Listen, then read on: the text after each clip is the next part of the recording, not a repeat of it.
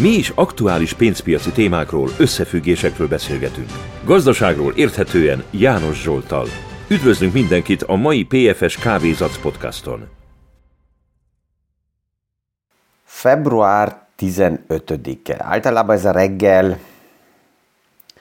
vagy megkönnyebbüléssel kezdődik, vagy nyugodtan.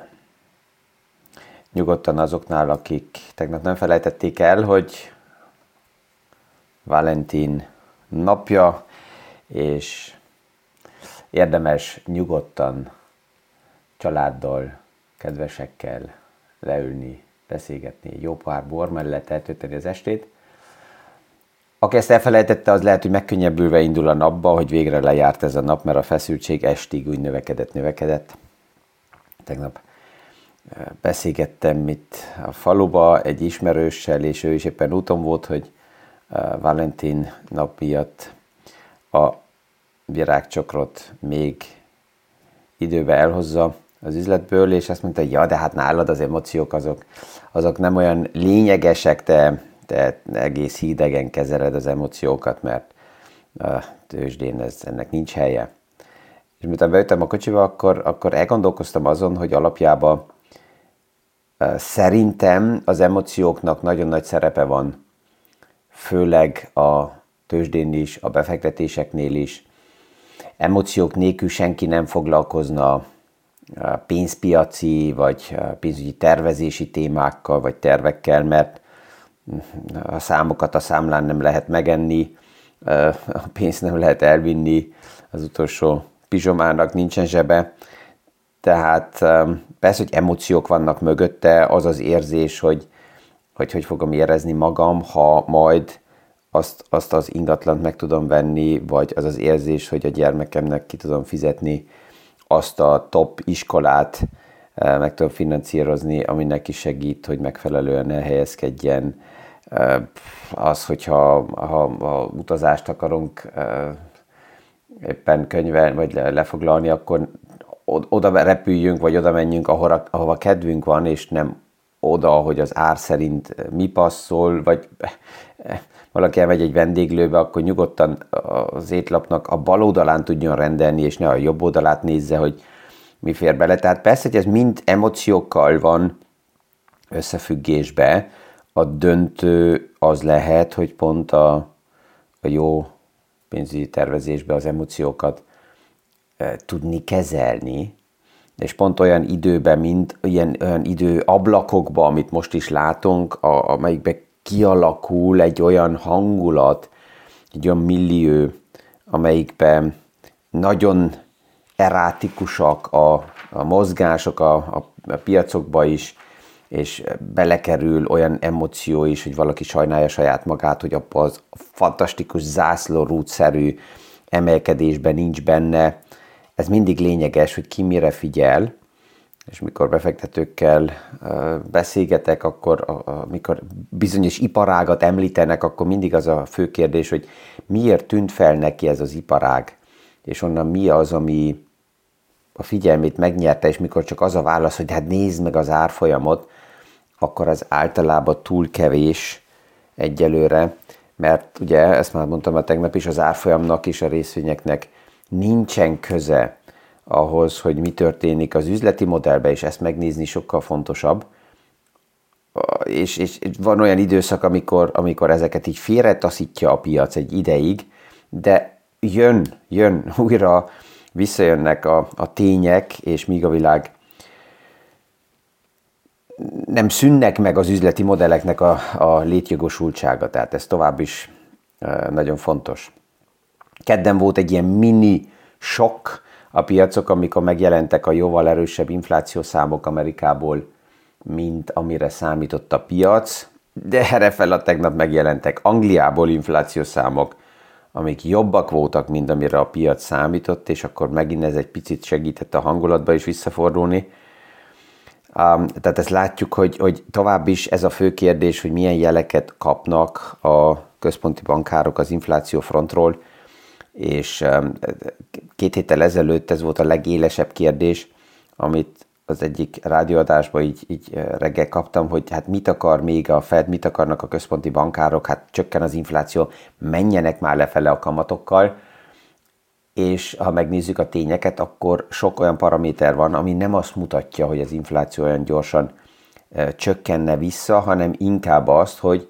higher for longer, ez inkább a, nem a kamatokra érvényes, hanem az infláció érvényes, és ennek megvan a kihatása, ami pozitív alapjába a tőzsdén bejegyzett vállalatoknál, mert ez segít főleg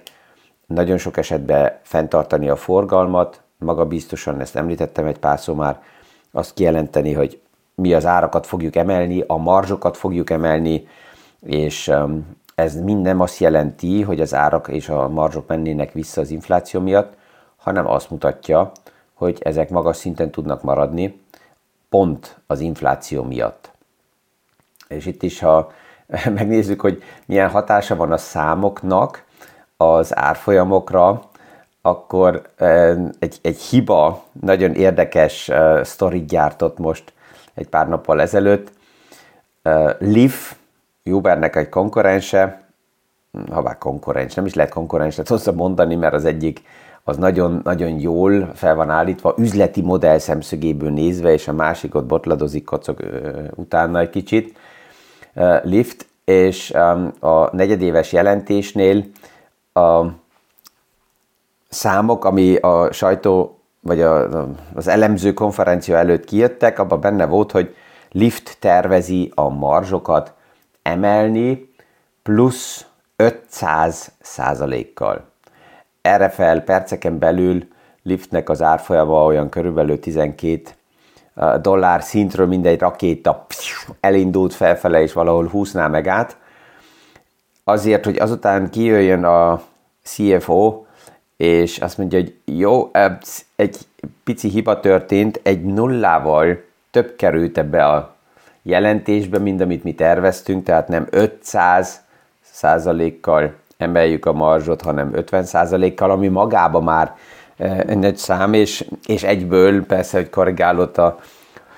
az árfolyam újra, aki ezt a jelentést nem hallotta, vagy nem látta, és csak azt látja, hogy mi történt itt az árfolyammal fel egy rakéta, és azután egy mély zuhanás,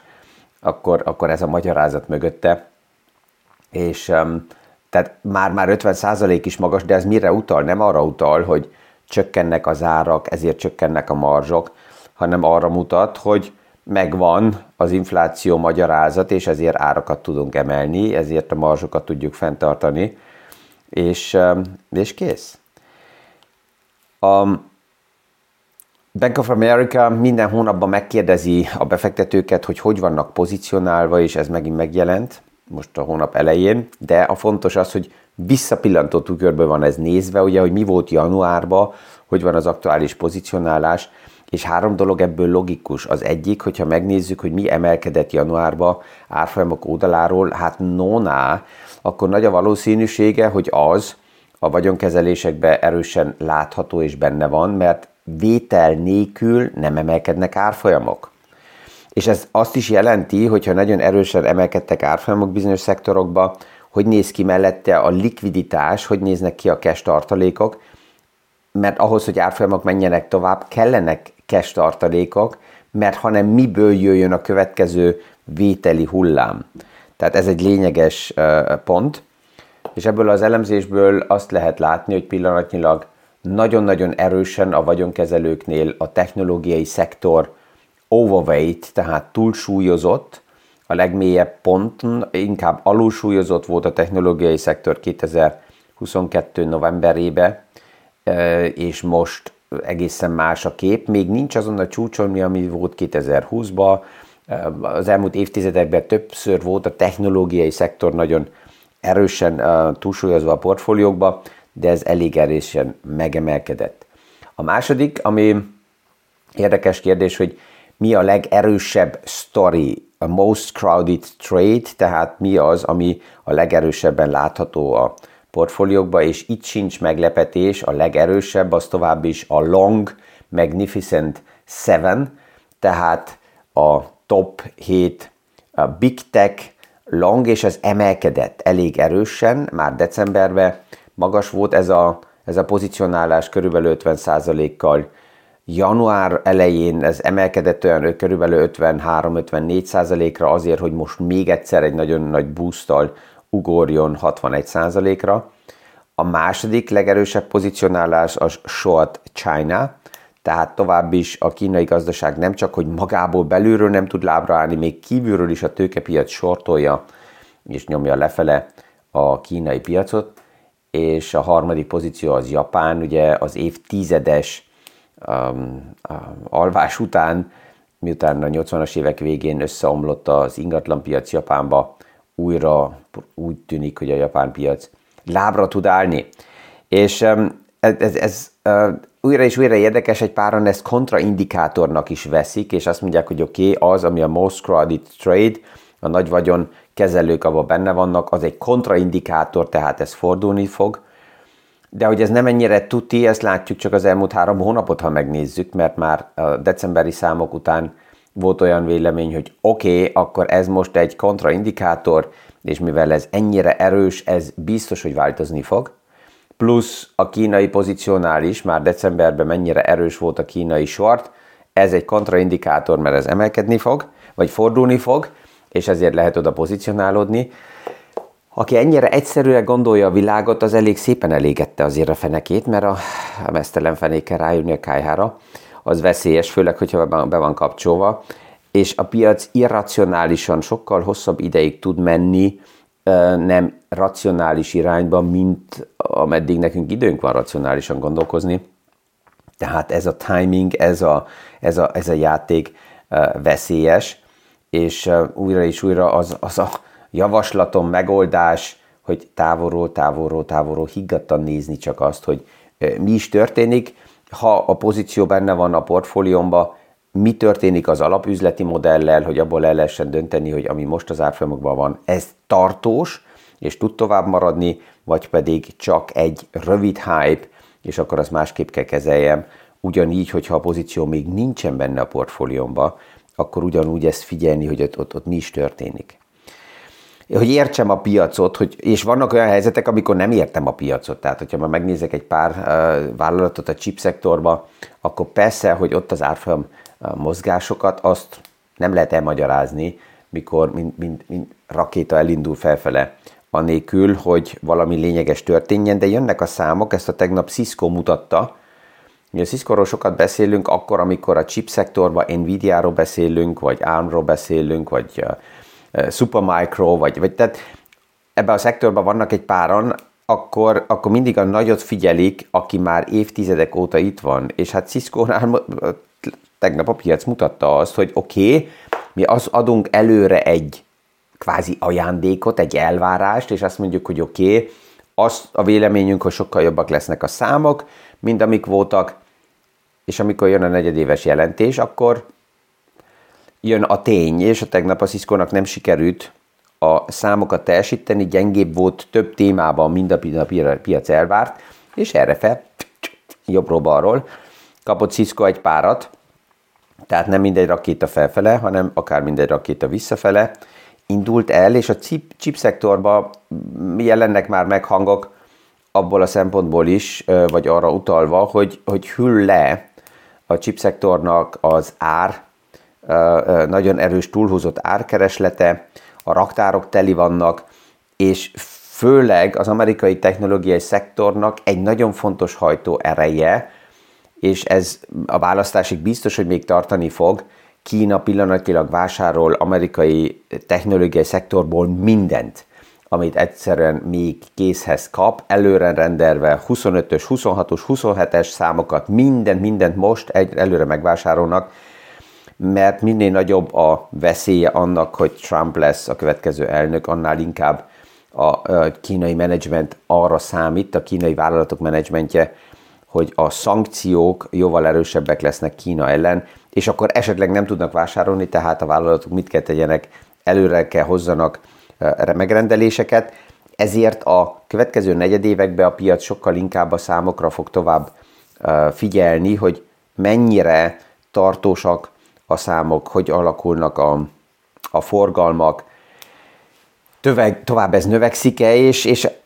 egy pár elemző elég reálisan látja azt, és azt mondja, hogy oké, okay, persze, amíg, amíg ez még így a paraméter stimmel, addig, addig lehet, hogy ez megvan, de érdemes figyelni a kis felhőket. Ez a kérdés is ugye jött, hogy mi fogja fordítani a piacot, hát általában nem sok, hanem akár az első haj a levesbe, és abból akkor generálódik egy nagy hangulatváltás, ami gyorsan meg tud történni, tehát ebből a szempontból a FOMO az fear of missing out, tehát lemaradott érzésből hamar, hamar, hamar vásárolni a piacokba um, nem szükséges.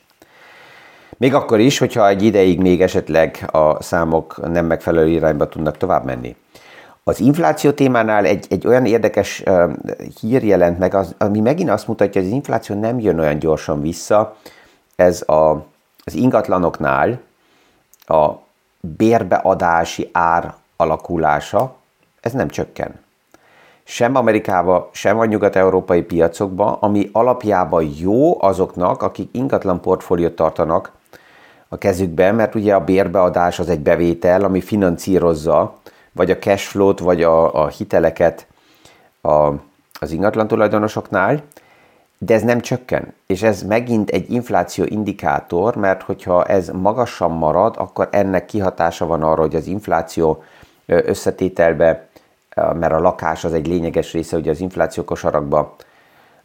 hogy ez magasan marad, és ha magasan marad az infláció, akkor a bérek, a bérleti díjak nem kell csökkenjenek. A második, hogy a bankoknál, ez itt eltér Amerika és Európa egymástól,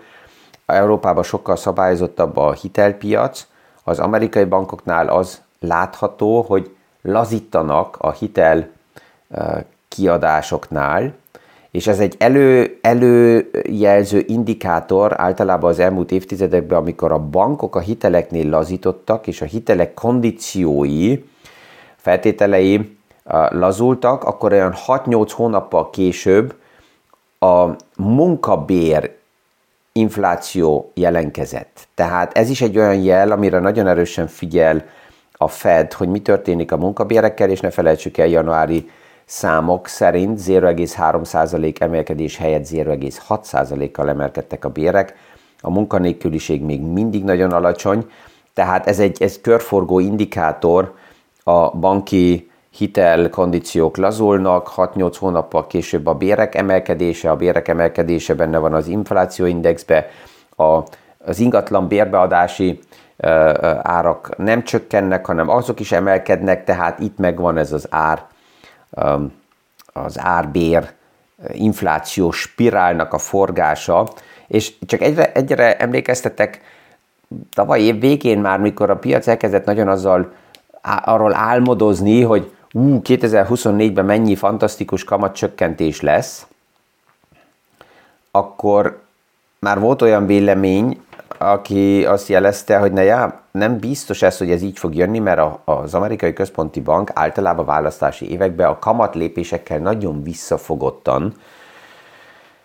dolgozik, pont azért, hogy ne, ez, ezen keresztül ne legyen ennyire direkt beleavatkozás a, a választásokba, és már vannak olyan hangok is, akik azt is megkérdőjelezik, hogy júniusban lesz egyáltalán kamatcsökkentés, annak ellenére, hogy a piaci fogadás pillanatnyilag júniusra nézve nem 100%, hanem most már 120%. A márciusi gyűlésen azt lehet mondani, hogy az asztalról most már leesett teljesen a kérdés, hogy kamatcsökkentés lesz-e. És ezt nem, nem kell fogadni, hanem csak a számokat nézni, hogy, hogy mit jelez, milyen számok jönnek a, az infláció frontról, és ez, ez egy lényeges kérdés. Tehát a, a, a Fed is ugye múlt héten már mondta, hogy, vagy az igazgatók, hogy keresik a bizalmat, keresik a bizalmat a számokba, keresik a bizalmat, hogy az látható, hogy, hogy csökkennek az árak. A jó hír a, a földgáz fronton, hogy az mind egy eltörnő nélküli zuhanásban van, és ez az energia oldalon egy lényeges pont. A földgáz az nem csak Amerikában, hanem itt Európában is csökken, ami megint a másik oldalról, ugye energia oldalról segít az inflációnál, hogy az ne emelkedjen olyan erősen. Tehát a kép tovább is összetett marad, nem unalmas, forgatni a különböző paramétereket, és ebből próbálni megérteni, hogy a piacokban mi is történik, és levonni azt a konzekvenciát is, hogy ez aztán mit jelent a saját munkakörömre, mit jelent a saját iparágamra, ez, ez hogy érinti az egészet, mert, mert az a safe heaven, az a biztos, biztos kikötő, ahova be lehet állni, és azt mondani, hogy engem az egész minden nem érdekel, és én kapom a fizetésemet, mert a pénz a, a vízcsapból jön, és én függetlenül tudom tenni magam a valóságtól. Ez egy elég szép mese elképzelés, de nem így működik a világ. De ja, ma és hónap van még az utolsó két nap lehetőség annak, aki ugye németül beszél, és akinek kedve van a, az osztrák Ödrei Podcast Award oldalon esetleg a kedvenc, kedvenc podcastot nominálni, jelölni. Akinek nem jut más podcast eszébe, az lehet, hogy éppen a Kávézat podcastot jelölhetné ott, vagy nevezheti meg. És ha nem, akkor remélem, hogy így a mai gondolatok is érdekesek voltak. Kellemes napot mindenkinek, és a viszonhallásra a hónap reggeli. Ájá, a végén még egy, hát ezt, ezt szinte elfelejtem. A jövő héten lesz nagyon érdekes divány beszélgetés, ez különleges lesz, a, a szombathelyen fogjuk ezt felvenni, a beatrix és a Szilveszterrel. Nem csak, nem csak van to van beszélgetés lesz, hanem hármasba fogunk ott beszélgetni, és nagyon különleges lesz, mert Szilveszter egy egészen más szemszögből, iparágból hoz be kérdéseket, vele ugye két héttel ezelőtt volt itt a podcastban is egy beszélgetés, és erre építettük rá a jövő heti divány beszélgetést is. Zo, ez most a vége. Kellemes napot, holnap reggelig. Mi is aktuális pénzpiaci témákról, összefüggésekről beszélgetünk. Gazdaságról érthetően János Zsoltal. Üdvözlünk mindenkit a mai PFS Kávézac podcaston!